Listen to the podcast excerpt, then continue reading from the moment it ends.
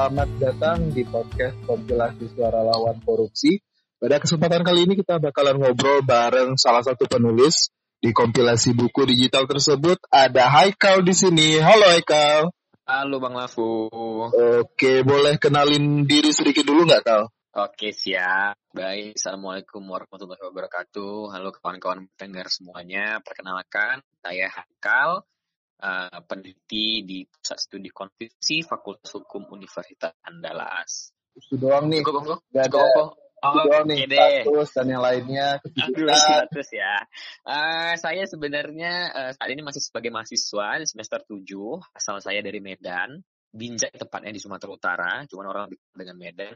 Saya lahir eh, 3 Juli 1999 dan sekarang eh, fokus kajian atau fokus studi saya ada di eh, hukum administrasi negara dan terutama di keuangan negara. Gitu. Nah, ini menarik nih. Ini karena Haikal fokusnya soal keuangan negara dan eh, pandemi COVID-19 masih belum bakalan hilang ya kayaknya buat beberapa tahun ke depan. ya kita berpikir eh, eh, prediksi seperti itu cuman berharapnya lain gitu. Iya, harapan semoga nggak jadi tinggal harapan aja ya.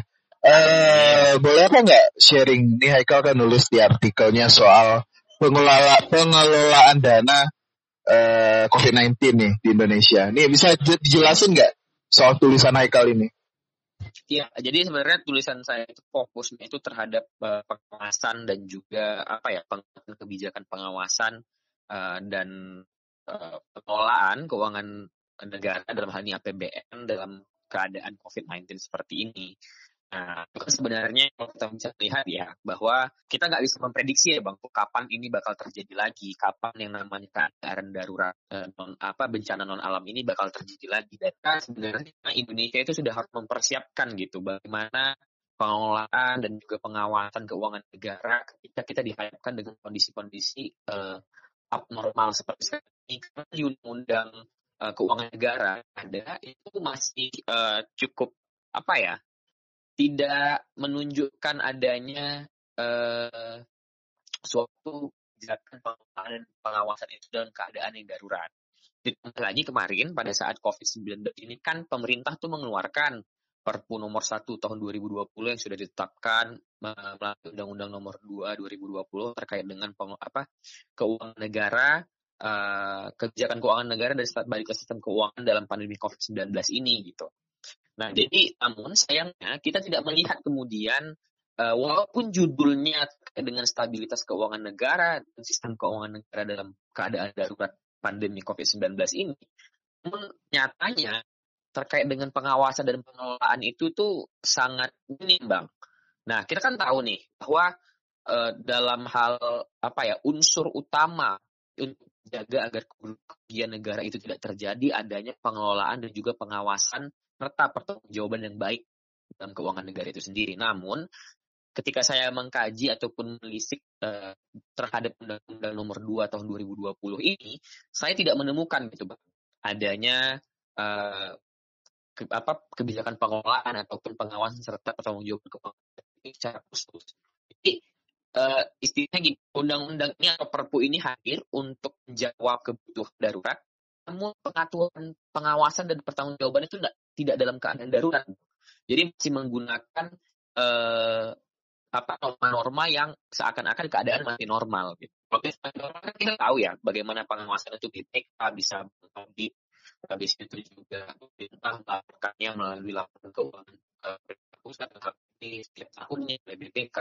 Nah, namun kan ketika informasi nih bang di dalam di dalam Perpu 2020 itu diperbolehkan misalnya bahkan ya di pasal 27 dan 28 itu kan ada eh, apa pengaturan bahwa tindakan-tindakan yang diambil oleh pejabat negara yang tujuannya adalah untuk menjawab atau kemudian memberikan apa namanya kebijakan yang penanganan COVID-19 dianggap tidak merupakan tindakan yang bisa dipidana dari dituntut secara pidana perdata jika itu dilandasi dengan niatan baik. Namun kan niatan yang baik ini yang selalu kemudian menjadi setelah uh, terjadi korupsi uh, susah untuk niat itu ya banyak penyelewengan penyelewengan terjadi. gitu. Nah, itulah kenapa saya kemudian melihat Undang-Undang Nomor 2 2020 ini uh, terkait kebijakan darurat, namun pengawasan pertanggungjawaban sama sekali tidak ada unsur daruratnya. Memang ada kemudian diatur di peraturan menteri. Tapi kita tahu ya bang, dalam hukum itu ada di hierarkis peraturan perundang-undang kan, yang mana ketika undang-undangnya tidak mengatur dan kemudian hanya melalui peraturan menteri, rasanya ya akan menjadi celah untuk untuk terjadi koruptif. Karena kekuatan membuat peraturan menteri itu kan jauh dari bawah undang-undang dan untuk paling krusial seperti itu rasanya memang harus dimasukkan atau diatur melalui undang-undang. Nggak mungkin hanya bisa diatur melalui peraturan menteri saja gitu bang makanya saya melihat bahwa ya, itu boleh gitu dalam keadaan tapi untuk pengawasan dua itu masih kayak aturan normal jadinya bang Oke, berarti uh, dalam tulisan Haikal itu ada kecurigaan bahwa ada ruang terla bisa terjadinya korupsi dengan ada tidak adanya pengaturan ini ya? Hmm, benar bang. Karena uh, gini, uh, logikanya gini, ketika uh, apa ya, kalau misalnya kita tahu bahwa ada pelajaran hukum tata negara darurat gitu kan dan juga hukum administrasi darurat memperbolehkan beberapa tindakan diskresi yang dikeluarkan oleh pejabat negara dalam hal ini pemerintah untuk menangani sebuah keadaan darurat itu kan sebenarnya di situ kan celah munculnya korupsi itu jauh lebih besar tuh Bang Fo.